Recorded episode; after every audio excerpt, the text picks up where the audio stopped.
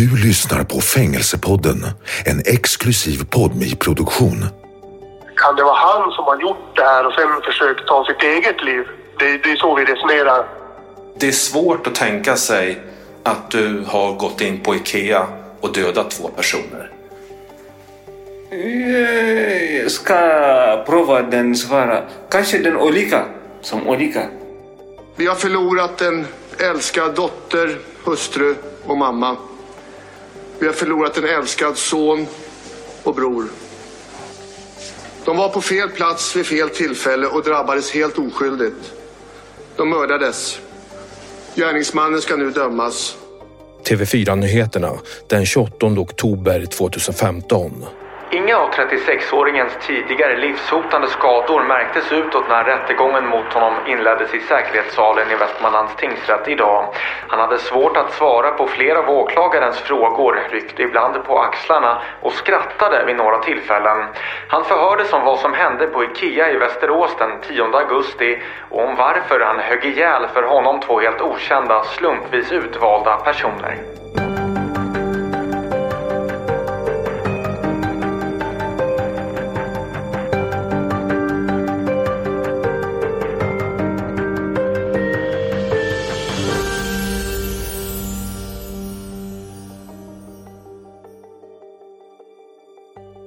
Hur känns det att ha en annan människas liv på sitt samvete? Hur hanterar man en livstidsdom och en utsikt som består av en fängelsemur? Varför begicks de bestialiska gärningarna och finns det en fortsättning efter fängelseåren? I den här programserien träffar vi fångarna på Sveriges tyngsta anstalter. De vi pratar med är dömda för mord, rån och knarkhandel.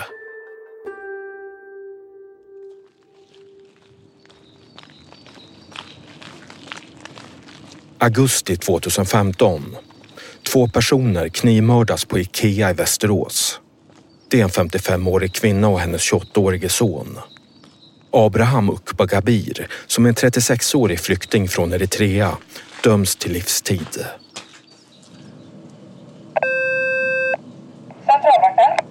Ja men hejsan, jag heter Ola. Skulle träffa en intagen här? Ja, precis. Har du legitimation med dig? Absolut. Nu sitter han inlåst här på anstalten i Tidaholm. Om en stund ska vi träffas. Du ska rakt fram genom dörren i muren där det står entré. Och sen så tar du ingången som är till höger, besöksentré där. Perfekt, tack så mycket. Varsågod, välkommen. Tack. För att komma in på anstalten passerar jag en sju meter hög mur. Två stängsel, en säkerhetskontroll och flera låsta dörrar. Jag får foppatofflor på fötterna och erbjuds ett överfallslarm, men avstår det. Här inne finns en insatsstyrka på 30 man som rycker ut när det blir bråk. Men av den styrkan märks ingenting i besöksrummet. Nu är det bara jag och Abraham, mördaren från Ikea. Och stämningen är avslappnad. Hej! Hej, hej. Hej! Ola! Uh, Abraham. Jag trodde det skulle vara lång och stor. Aha! Hur mår du? Jag mår bra. Det är en kortväxt man som tar plats i fåtöljen mittemot mig. Abraham kommer direkt från anstaltens skapande verkstad. Där får de intagna tillverka smycken, stöpa ljus och jobba med keramik. Det berättar Abraham som har på sig blå snickarbyxor, en grå t-shirt och kriminalvårdens tofflor. På golvet ligger en sliten grön plastmatta. På ett bord står en vattenkokare. Bara några meter från fönstret ser vi den stora muren. Abraham har inget emot muren. Det får jag veta när vi plockar fram engångsförpackningar med pulverkaffe. Abraham, vill du berätta varför är du här? Eh, De eh, hämtar mig de, eh, som polis. Ja. Och det var 2015. ja, exakt. Den från eh, 2015. Ja, den började. Och det var då som, ja, dubbelmordet på Ikea hände. Som pratar med, ja. Ja, ja. Så du har varit sju år i fängelse. Eh, från 2015 uh, august till nu nära sju. Ja, snart eh, nästa august uh, sju, det blir sju. Hur har de sju åren varit? Eh, fängelse, inte samma som ut. Tack Gud. Jag pratar med dig nu. Jag pratar med andra folk. Jag gör som tränar. Ja, Jag äter, jag sover. Tack Gud. Men den fängelse. Jag inte göra många grejer. ja? Hur ser en vanlig dag ut här för dig? Vad menar du? Kan du berätta en dag i fängelset? Vad gör du? Ehm, Gärna på svenska. Okej, eh, i fängelset uh, jag gör som uh, träna också. Eh, jag vill träna. Den eh, är riktigt uh, för mig, för hälsa. Eh, som jag kör som cykla. Också jag spelar fotboll. Också jag gör som gymmet. Också jag gör promenera också. Också jag, jag har böcker också. Jag läser. Eh, Jag går till jobba också. Är det tråkigt att vara här? Ah, den fängelse. Fängelse menar den fängelse. Eh, Jag kan inte göra många grejer vad jag vill. Inte som ut. Men som jag pratade förut, eh, tack Gud.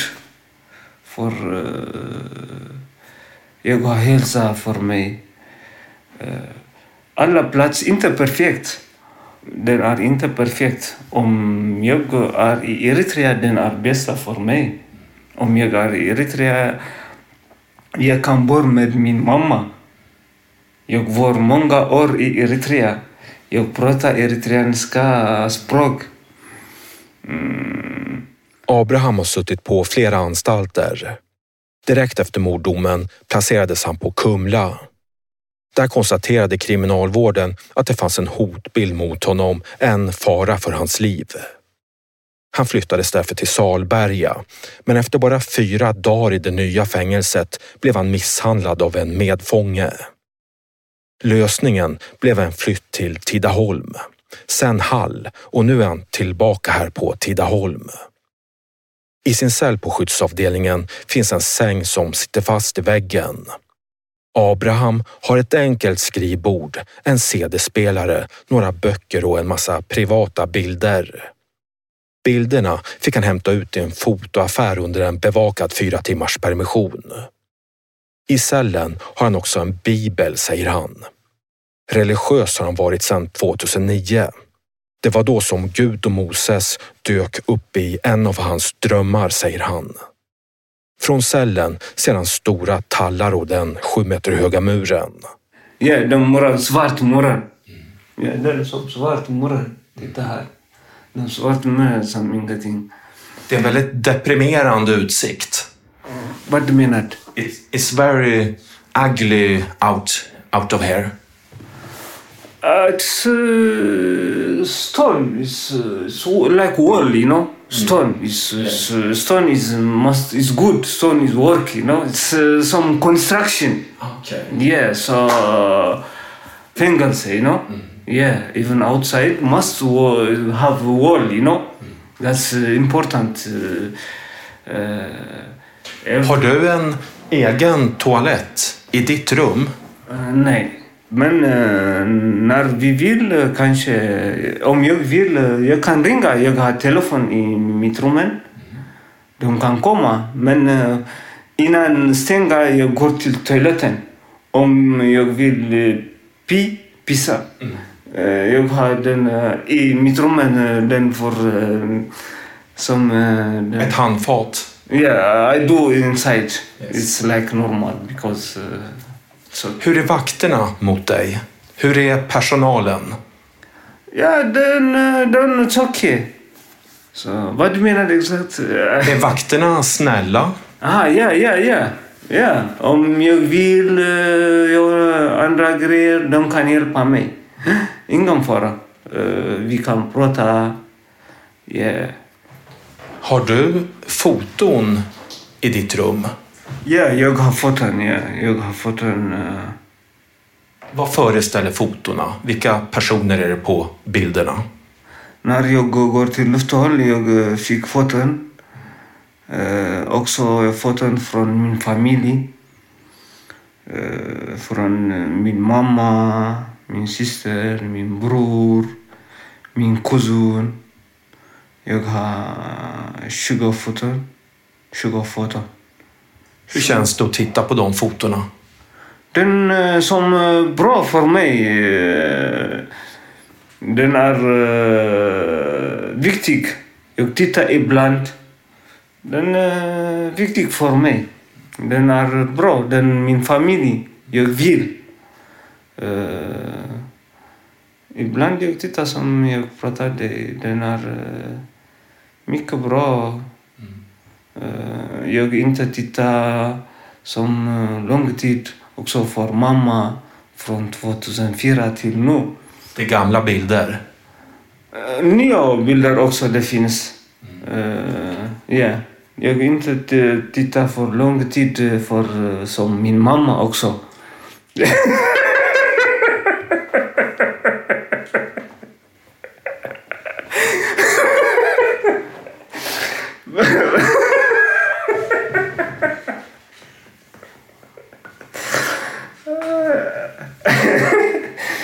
livet ett skämt? Vad är det? Du verkar lycklig. Eh? Är du glad? Ah, ja, tack Gud. Tack Gud, ja. Jag är okej. Okay. Ja, jag är okej. Okay. Som jag pratade. Jag läser bra. Det är viktigt. Ja, som uh, eritrean bokar. Jag kan lära ja, många grejer. Den uh, kanske hjälper för mig för uh, glad också. Ja, den, uh, om Gud hjälper mig, jag kan bli glad. Om Gud hjälper mig, jag kan läsa bra. Om Gud hjälper mig, jag kan träna bra. Yeah. Gråter du ibland? Nej. nej. Aldrig? Nej. När, uh, kanske när jag uh, som sjuka. Ja. Som, uh, som glad. Ja.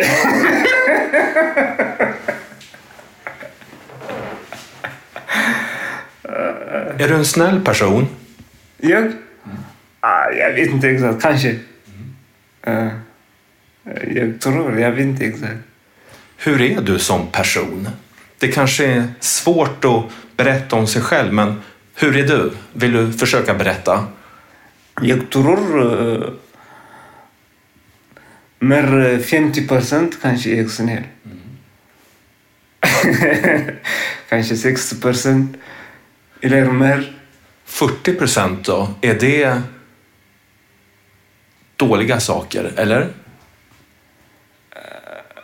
Ja, uh, yeah, kanske. Ja, yeah. Yeah, yeah. Uh, inte alla folk som uh, perfekt. Ja. Mm. För när jag träffar dig så upplever jag dig som en positiv och, och, och snäll person. Det är svårt att tänka sig att du har gått in på Ikea och dödat två personer. Jag ska prova den svara. Kanske den olika. Jag tror för mig den som olika. Kanske en gång det blir som dålig dag. Så för mig den som olika. Jag pratade som olika.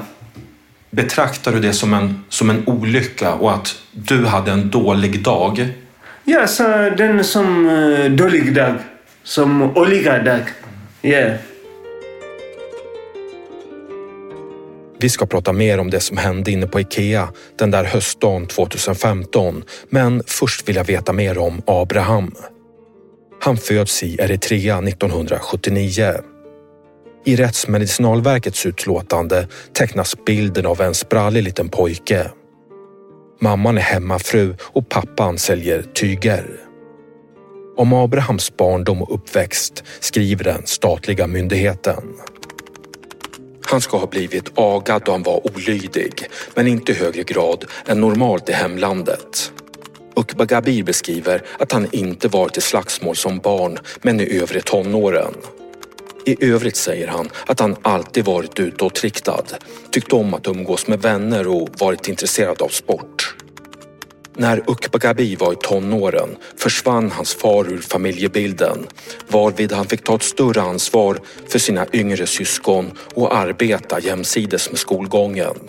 Han säger att han gått sammanlagt tio år i skolan. Hur var du som liten pojke när du växte upp i Eritrea? Som eh, jag var bra. Jag, jag var bra. Jag eh, uh, vuxna med min familj. Jag vuxna med eh, min mamma, min pappa i affären som business. Och så jag går till skolan. Eh, uh, elementärskolan, jag går första. Sen jag går till high school också, åtta, nio. Den bra, jag har bra tid som min kompisar i skolan, eh, lärare tillsammans, som vi har som kärlek. Ja. Yeah. Uh, Och det var du, mamma och pappa, syskon? menar? Hade du syskon? Ja, ja, jag har syskon. Jag har, ja, jag har tre syskon. Och din pappa, vad jobbade han som när du var liten? Uh, business, affären. Affären. Vi har uh, affären. I affären uh, vi säljer många grejer och uh, han fixar som kläder. Folk de vill fixa den kläder om den som trasig. Babba kan fixa. Yeah. Jobbade din mamma där också? Ja, men mamma många gånger uh, jobbar i hemma. Uh, vi är uh, många barn. Men de barnen, de, de om vill gå till skolan, de vill mat, de vill fixa.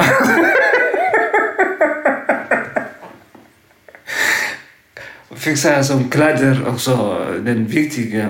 Om den inte smut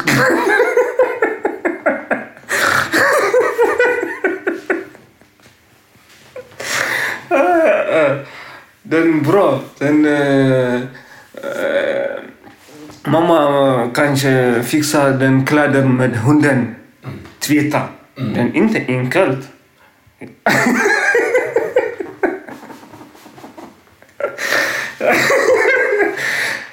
den också... Bodde ni i stan eller ute på landet? Som lite stad. Stad? Ja, lite stad. Inte stor stad, inte som huvudstad, men lite stad. Den är lite stad, men det finns uh, skola.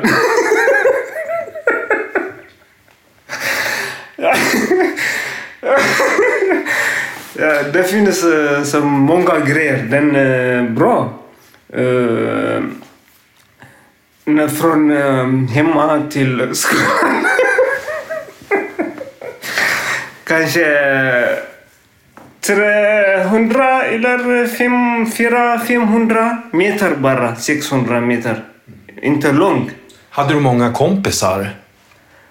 Jag tror jag har. Ja. Jag har kompisar, ja. Så du var en glad liten pojke som hade mycket att göra? Uh, vad menar du? Du var en glad liten pojke. You was a happy boy with a lot of friends. Yeah, um, it's okay. Yeah, yeah ingen fara. Den, uh, yeah, min uh, mamma snäll också för mig.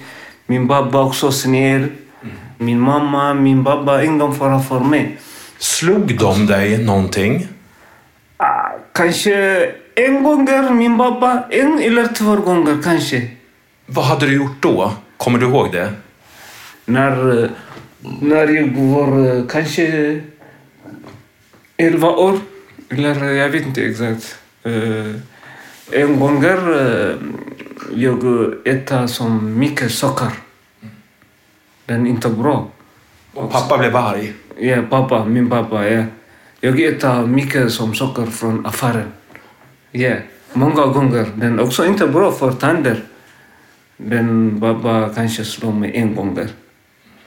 När du var liten, vad hade du för drömmar om framtiden? Kanske den eh, många grejer, men eh, som eh, jag vill komma till Sverige också. Hur gammal var du då när du började drömma om Sverige? Kanske sex år. Jag vet inte exakt. Sex. Så tidigt? Ja, se- jag tror kanske sex år. Visste du någonting om Sverige? Vad du menar? Visste du att Sverige fanns och att det var ett bra land? Ja, den Europa, den, eh, vi tror, jag tror den bra land. Jag tror. Men min plats, den Eritrea. Anyway. Men Europa, den, eh, många folk, de tror, inte eh, bara jag, många folk, de tror den Europa, den bra. Har Mycket pengar, mycket eh, teknologi, jobba här enkelt, inte som Afrika, den många jobbar, den är svart, inte enkel. Svart jobba, kanske lite pengar. Ja, Hur var det att växa upp i Eritrea? vad du menar? Var det bra eller dåligt i Eritrea när du var liten? Den är bra för mig. Ja, den är bra men... Uh, inte mycket pengar men eh, den är bra. Uh, den, uh, den är bra. Den, om jag bor med min mamma, min...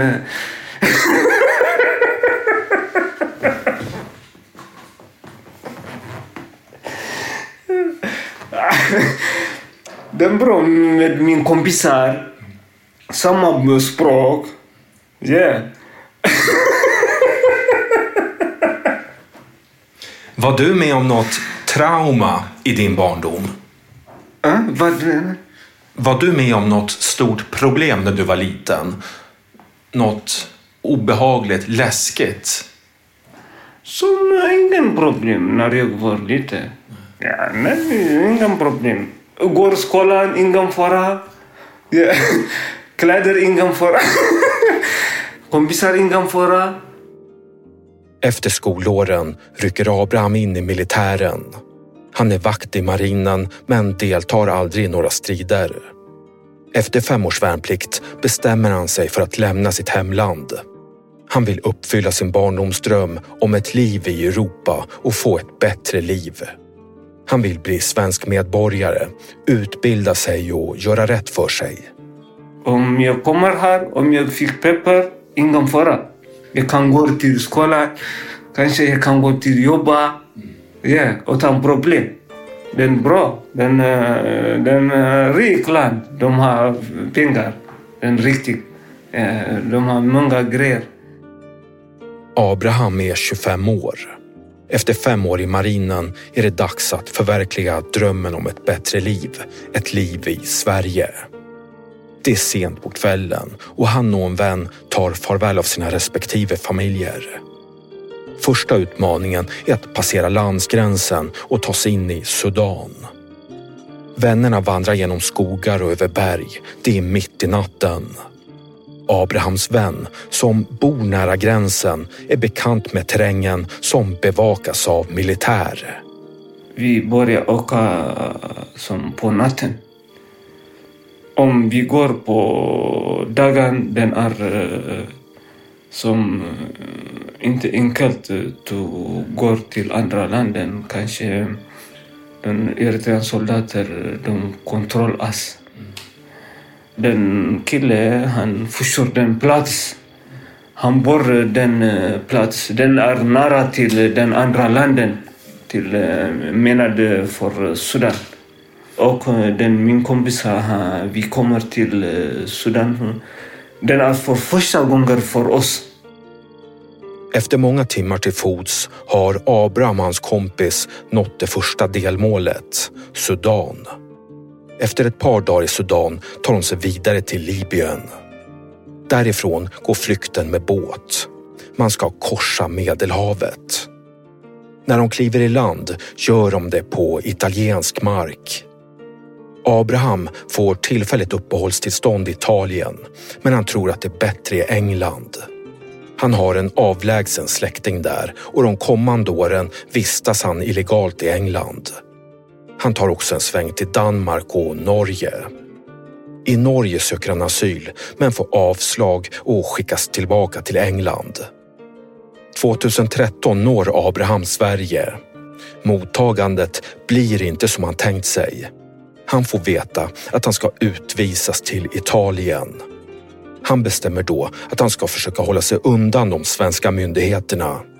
Asyl kan han ju söka lite längre fram, tänker han. I nästan ett och ett halvt år lever Abraham ett undanskymt liv i Sverige på olika ställen. Han bor en tid i en liten lägenhet ihop med några andra flyktingar. Han bor även hemma hos sin syster.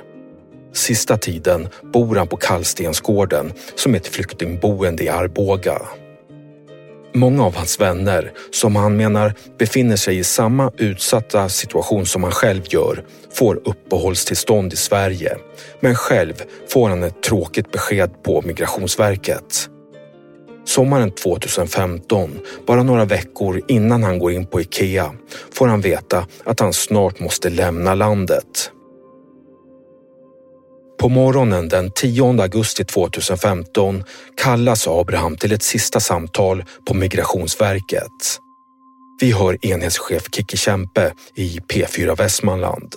Han var här på ett inplanerat besök hos oss och det löpte på efter ordning och eh, han lämnade lokalen utan eh, någon som helst aggression här. Så att eh, vi, för oss så var det ett besök som alla andra besök helt enkelt. Inga konstigheter. Abrahams sista hopp är släckt. Barndomsdrömmen är krossad. Han tycker inte alls om det han fått höra på Migrationsverket. Kunde de inte sagt redan från början att han borde ha satsat på Tyskland, tänker han. Abraham känner sig förd bakom ljuset. Jag går. När jag går till uh, Migrationsverket, hon pratar mig för lämna. Lämna Sverige? Ja, yeah. för lämna för uh, Sverige. Yeah. Den uh, pratar inte min program, inte min förutplan. Vad kände du då? Vad du menar? What do you feel when they say den, you have to... Ja, uh, den är inte riktigt. Kändes det att det här är inte riktigt? Ja. Yeah. Det, det, här är inte rätt? Ja, yeah, de har inte rätt. Yeah, den, Blev du arg? Ah, som arg, ja. Yeah. Som arg, ja. Ja, ja. Så därför den blir som olika grejer. Missnöjd efter mötet på Migrationsverket träffar Abraham en bekant på stan i Västerås och de tar bussen ut till Erikslunds köpcenter. 12.43 kliver männen in på Ikea. Abraham har bestämt sig. Han ska döda Ikea-besökare som ser svenska ut. Sen ska han döda sig själv. Hans vän, landsmannen från Eritrea som är med honom, vet inte vad som är i görningen.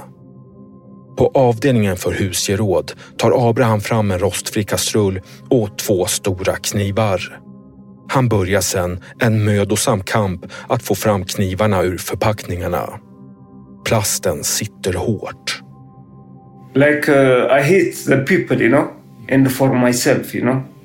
Yeah, so it was not good, you know. We go by bus, you know. Yeah, to that place, you know. Kommer du ihåg själva attacken? What do you mean exactly? Do you remember when you killed the, these two people? Uh, it's uh, I don't know that I, I remember that day, you know. It's uh, yeah I I remember anyway uh, maybe not 100%, but uh, I remember I take the knife like I told you, you know. I hate them and I hate for myself, you know. Det var en fin och solig dag och vi var ute och arbetade som vi brukar med vanlig linjeverksamhet. Eh, vi var civilklädda med civil eh, polisbil.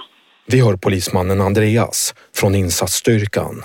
Eh, Jag vet att jag satt i telefon när själva larmet kom in här eh, från vår regions ledningscentral. Över att eh, det är något som sker på i, Ikea i Västerås. Eh, och det ska vara en knivskärning. Eh, där utlarmningen kommer jag ihåg, eh, den är så, den är så specifik eh, och lugn och saklig så att redan där eh, ska jag säga reagera på en bra utlarmning. Och det kommer in att det är en knivskuren och sen hör vi att det är ytterligare en knivskuren, att det är det som pågår där. Vi ligger ju bra till för vi ligger i stort sett på E18 som passerar igenom Västerås. Eh, vilket innebär att vi har raka vägen ut. Eh, och därav kommer vi först. Eh, vi ligger så pass. Vi har en bit framkörningstid så det hinner ju börja komma in kollegor på radion och RLC-operatören fortsätter att ge en lägesbild. Andreas och hans kollega Johan kör i full fart och med tjutande sirener. De parkerar utanför Ikea. Sen går de in i byggnaden med dragna tjänstevapen. Jag reagerar också på lite grann att det är ganska lugnt när vi kommer fram. Vi kommer ju direkt ganska nära porten och sådär när vi kliver ur.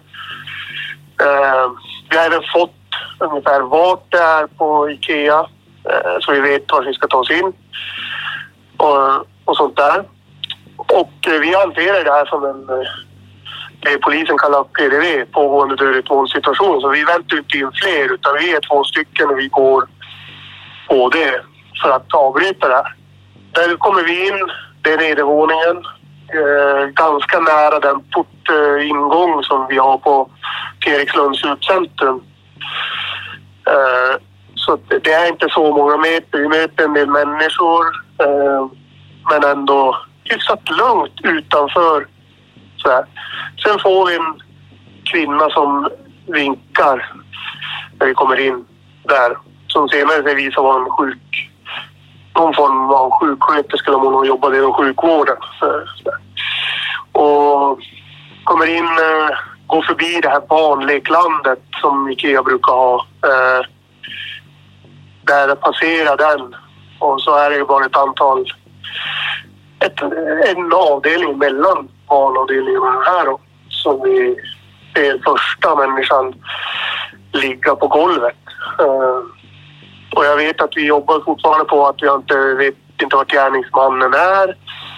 Eh, och så vidare. Så vi, dels får jag den här kvinnan säga att det är allvarligt och svårt. Men vi tittar, vi kan inte göra någonting åt det här. Eh, med den sjukvårdskunskap och sjukvårdsmaterial vi har och att vi fortfarande har en gärningsperson som springer omkring här inne. Det är våran bild vi har. Eh, så vi börjar gå mot där det har hänt. Man ser den här första. Kommer in lite till. Ser ytterligare en person som ligger livlös. Bedömer ju samma bedömning. Tittar, ser vi ingenting vi kan göra snabbt eller någonting här. Personerna på golvet ser livlösa ut. Nu gäller det för Andreas och hans kollega att stoppa det dödliga våldet som pågår i varuhuset. Fokus blir att hitta gärningsmannen och några meter bort gör Andreas ytterligare en upptäckt, nämligen Abraham som ligger utslagen på golvet. Andreas vet inte att det är Abraham som är gärningsmannen som han jagar och han ligger på rygg. Han är däremot är vid liv. De andra har ju i stort sett bedömt som utslagna för, för våran del. För vi, med det vi kan och ska och vad vi har för mål. Men den här eh, ligger ju lite... Han rör sig, han är vaken, dock är han svettig. Så här. Och när jag kommer närmare då ser jag att han har ganska stora sårskador i magen. Rätt rejält, ska jag säga. Och jag ser även att det ligger en kniv en bit från hans hand. Eh, det är den jag reagerar på också. Tänker att instinktivt titta, det där ligger inte bra. Jag upplever fortfarande att det här är en som har blivit utsatt för eh, gärningspersonen. Det är inte han som är gärningspersonen i det här läget. Men jag tar bort den där kniven. Eh, kan inte riktigt förklara varför, men det blir... Jag ser att kniven är blodig och äggen och sådär. Så, eh, så. Flera polispatruller har nu kommit fram till Ikea. Det är livlig aktivitet i polisradion.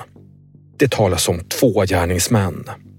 En av dem har sett springa i en trappa och kanske gömt sig i ett personalrum.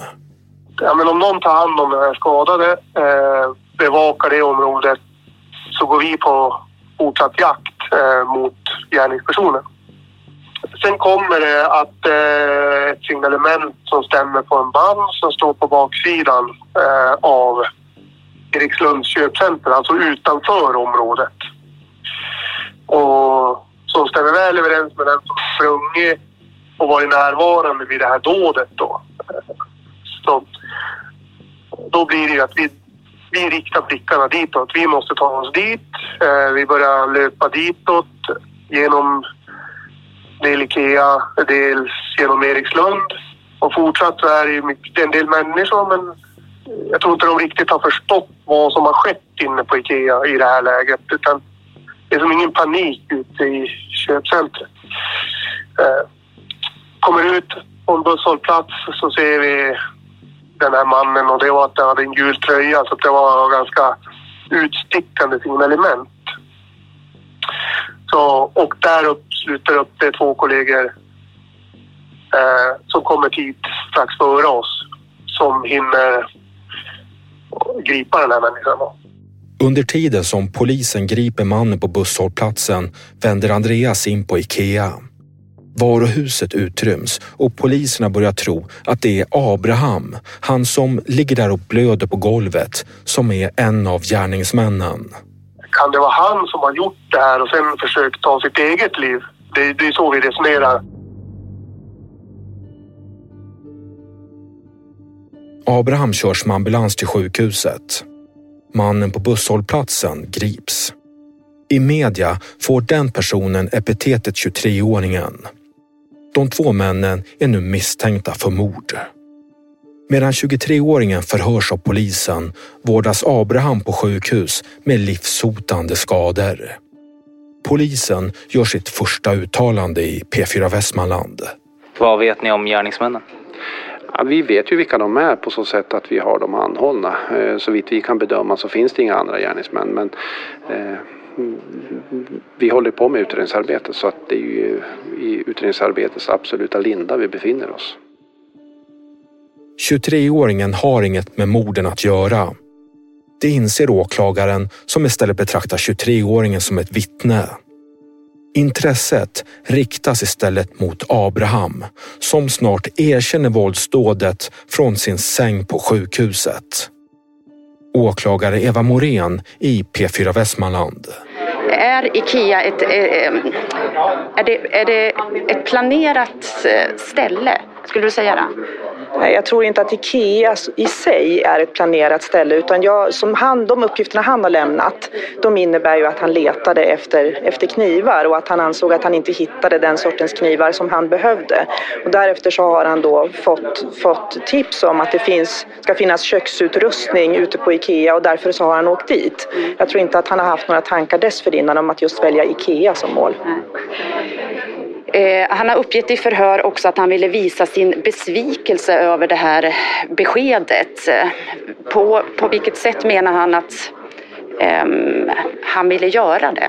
Ja, närmare hans förklaring, eh, den, den, kan inte jag redogöra för utan det kommer ju han få redogöra för vid en förhandling som finns. Det jag har berättat här idag det är att han har ändå gett uttryck för att det här på något vis hade att göra med att han var besviken och desperat på grund av att han inte skulle få vara kvar i landet.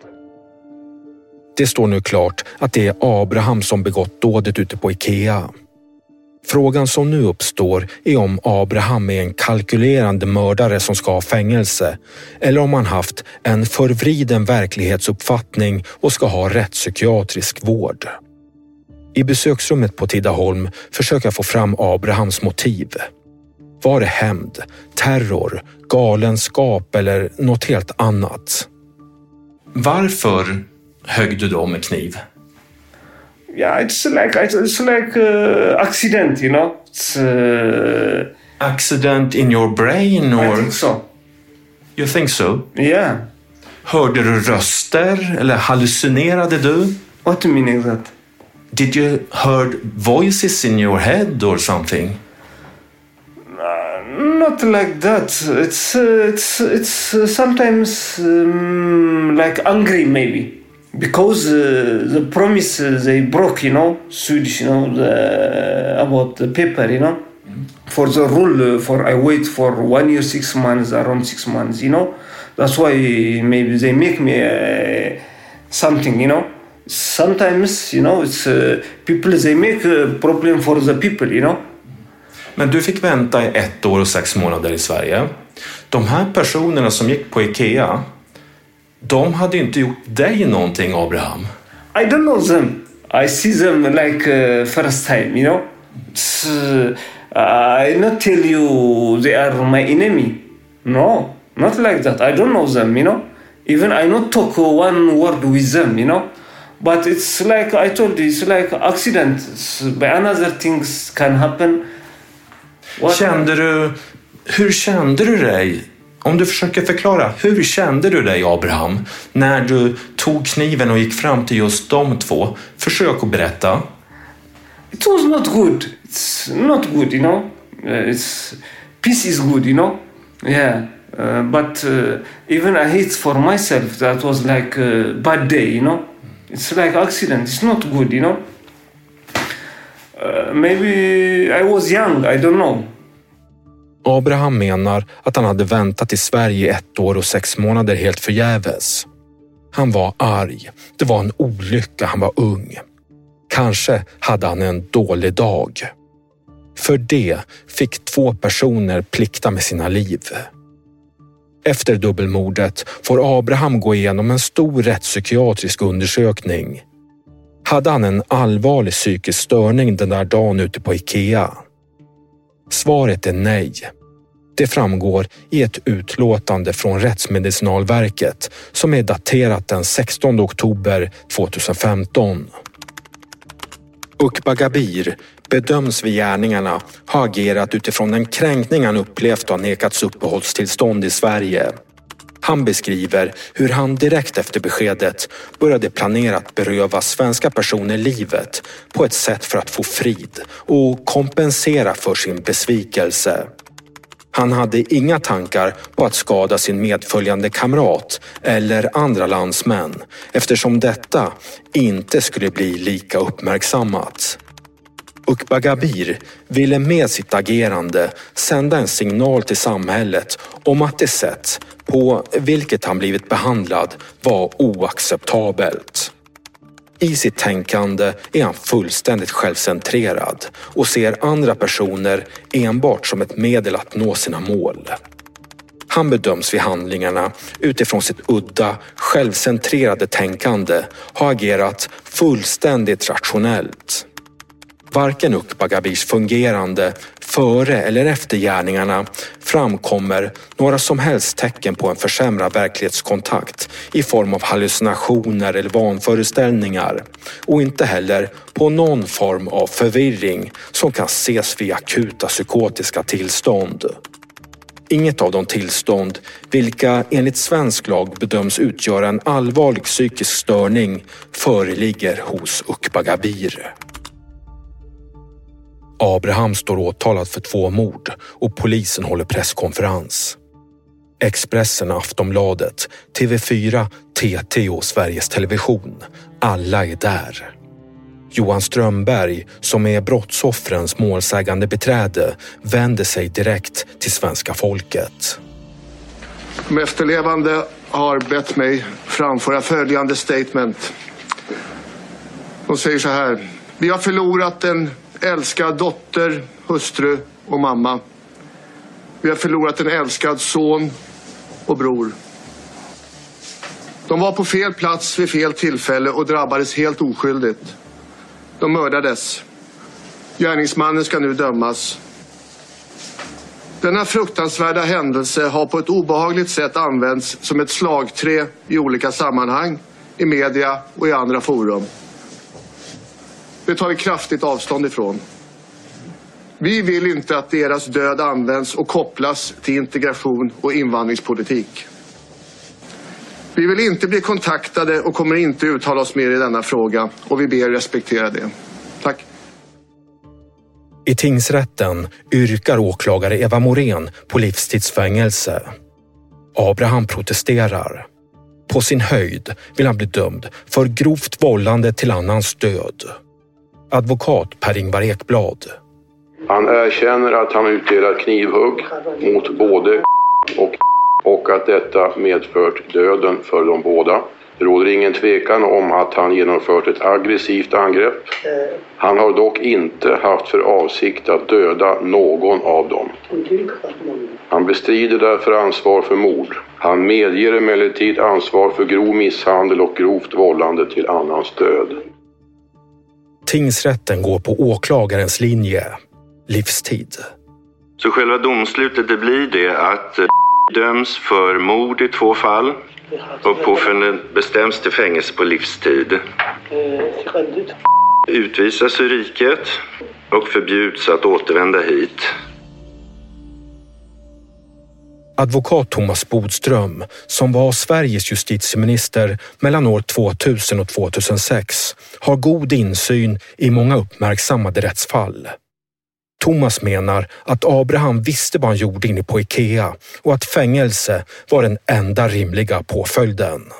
Det finns ju den typen av galenskap som gör att människor kan attackera ett litet barn men i sin föreställningsvärld så attackerar man en drake eller ett monster eller liknande. Då är det just det att man vet inte vad man gör, man anses inte kunna behöva ta ansvar för sin egen gärning och så vidare. Eh, sen är det ju så att människor kan ju begå de mest galna brotten och utan något som helst syfte eller avsikt som i det här fallet. Men de vet ändå vad de gör och då får de också ett ansvar för det. Och den här Abraham, han, han var väl medveten om vad han gjorde? Ja, han visste att han attackerade två personer där med kniv. Han förstod att de här personerna riskerar att dö om man gör på det sätt som man gör och därmed så är förutsättningarna uppfyllda för att han ska kunna dömas för mord och få en påföljd då, som i det här fallet blev livstids fängelse. Sen är det så att i vissa fall så kan man ta hänsyn till en persons mentala hälsa och det kan ju vara en funktionsnedsättning och så vidare som gör att det ändå påverkar straffet även om man vet vad man gör. Eh, det vill säga att man är på, på eh, en annan intellektuell nivå än andra personer. Man kan ha psykisk åkomma och så vidare. Och då är det någonting som domstolarna kan ta hänsyn till. Men här är det två, två brutala mord och då är det svårt att se någon annan påföljd än livstids fängelse. Thomas berättar att han mött en hel del gärningsmän som gett ett kyligt intryck. De verkar helt oberörda över det som har hänt. De verkar oberörda över att, att eh, en, de har familjemedlemmar till den som har avlidit sitta och gråta i rättssalen och de visar inte en min. Likaså när man visar obduktionsprotokoll och så vidare. Och där blir man ju väldigt förvånad över som advokat att de kan vara så känslokalla. Men de är faktiskt inte alltid känslokalla. Men känslorna är fokuserade till sig själva. Så de kan plötsligt börja gråta och de kan bli väldigt ledsna och väldigt känslosamma. Men då handlar det nästan alltid uteslutande om dem själva. De ser sig bara sig själva i situationen. De kan bli väldigt ledsna när de förstår att de ska sitta länge i fängelse. Men de känner ingen empati på att de har dödat en annan människa. Vad känner du när du träffar en sån person som, som inte genuint verkar ledsen? Nej, det är väldigt obehagligt faktiskt. Eh, samtidigt så är det ju ofta så att det här är någonting som inte den personen kan hjälpa. Men det är väldigt obehagligt att en person som har dödat en annan människa är mest bekymrad över att den i häktet har blivit förkyld. Eller att fotbollslaget som hejar på förlorade. Eh, medan man ska förbereda en rättegång om ett mord den här personen har begått. Men det verkar de ganska oberörda för. Nu sitter vi här på Tidaholmanstalten, Abraham och jag, nästan sju år efter morden på Ikea. Jag försöker få Abraham att berätta vad han känner för mordoffren, men han svarar undvikande att han inte tänker på dem. Tack Gud som räddade mitt liv, säger han istället. Thanks God I saved my life, you know. Du attackerade dig själv. Kan jag få titta var du högg dig själv? Here, this, uh, here, this, you know, around here place, you know. Oj, oj, oj. Yeah, so uh, they did uh, two times uh, like operation, you know. So, but it's okay. Det... Försökte du träffa hjärtat på dig själv? Not hjärtat, around here, you know. Around this place, I think uh, hjärta is here, you know. Men det är ganska nära. Det är ett stort R, 20 centimeter långt. Hur känns det när du tittar på ärret nu? No? Ah, it's okay. Uh, what is uh, it's like normal for me anyway. It's uh, it's okay. I don't want to lie, you know. It's uh, normal, but uh, like this, it's happened. It's uh, they fix it, you know. Uh, I want to tell you, like I told you, correct. You know, I am okay. I am not sick. I am very good. You know, uh, it's no problem. You know, uh, I can drive very good. Abraham, du är frisk. Yeah. Men hur mår du? Hur mår du mentalt?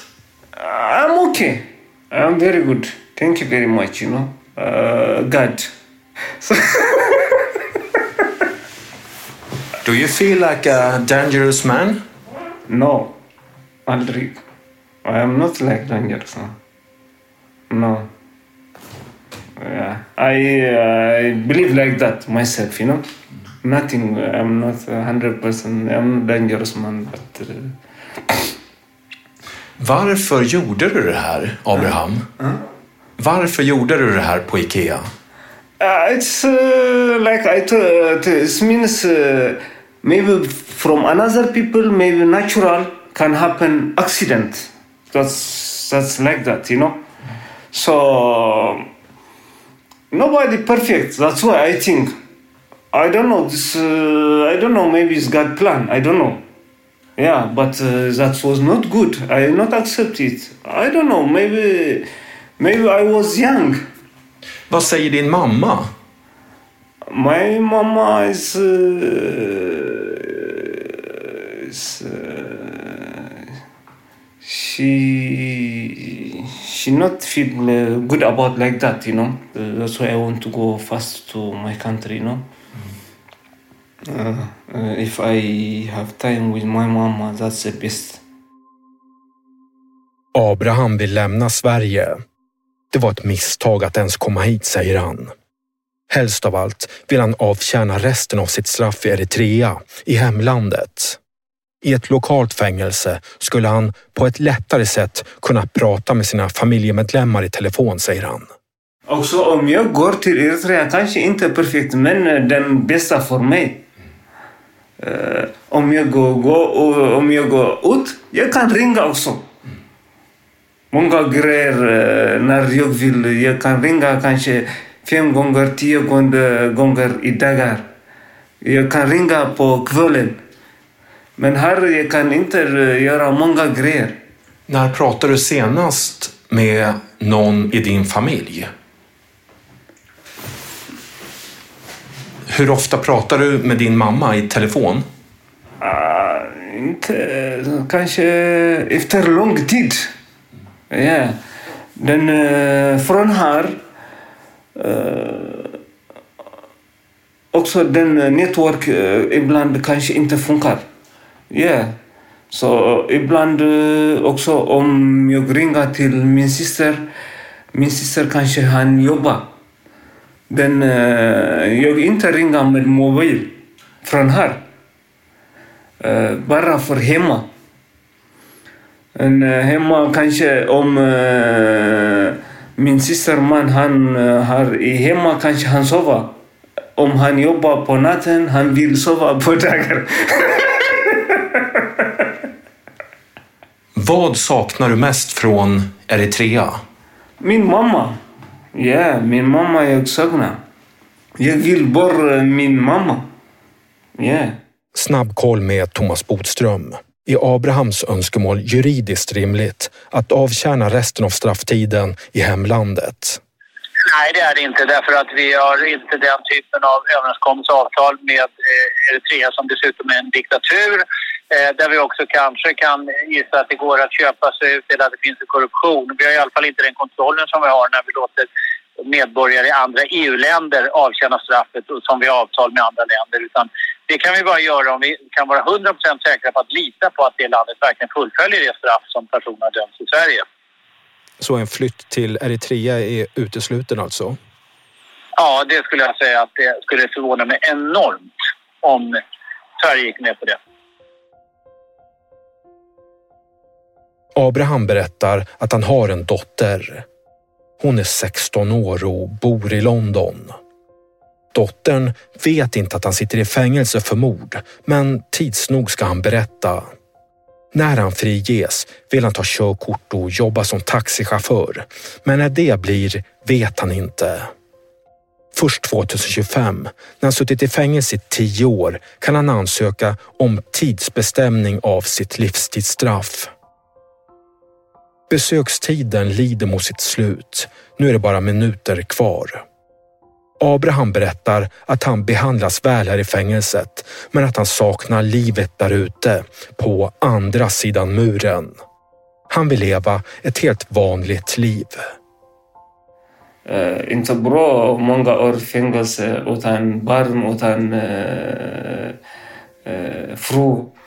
Men inte riktigt. jag är inte bra måste ha som bra som bra kärlek varandra. Den är viktig. Tankar bra. Känner du dig ensam här inne? Jag?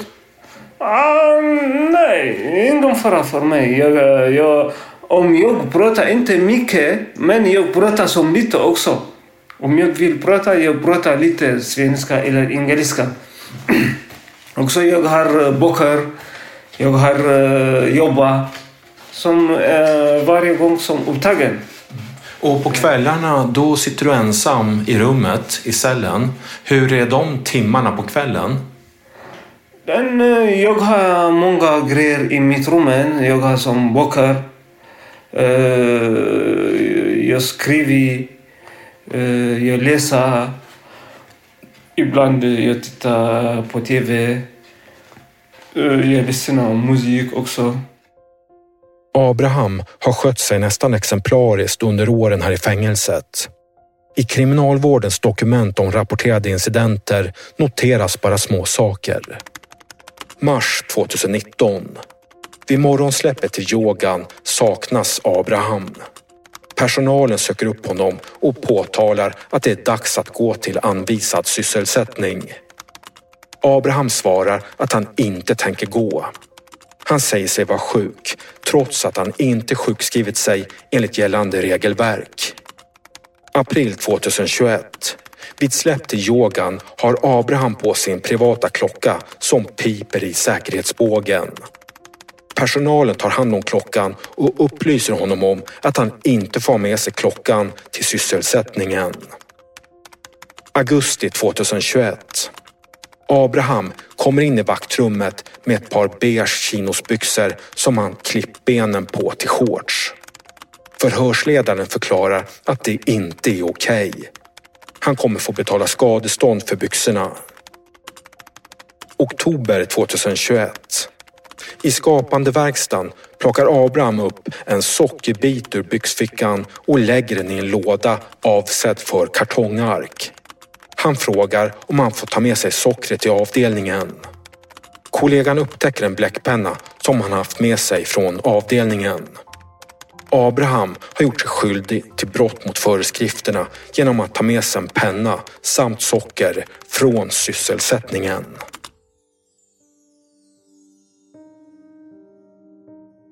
Abraham frågar när jag tror att han kommer ut därifrån och jag svarar att det nog kommer att dröja länge.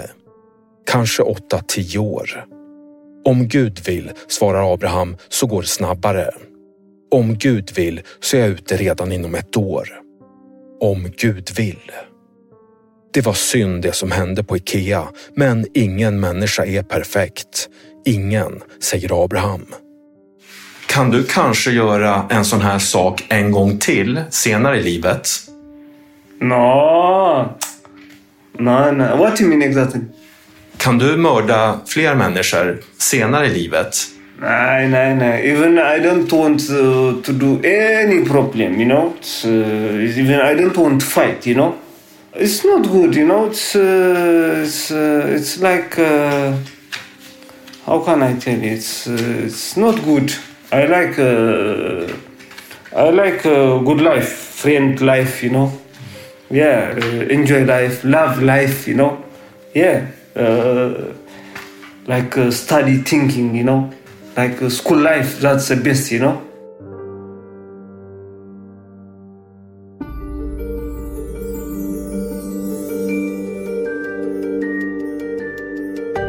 Du har lyssnat på Fängelsepodden, en exklusiv podmi produktion Intervjuare Ola Lagerström. Ljudbearbetning Emil Drugge på Drugge Sound.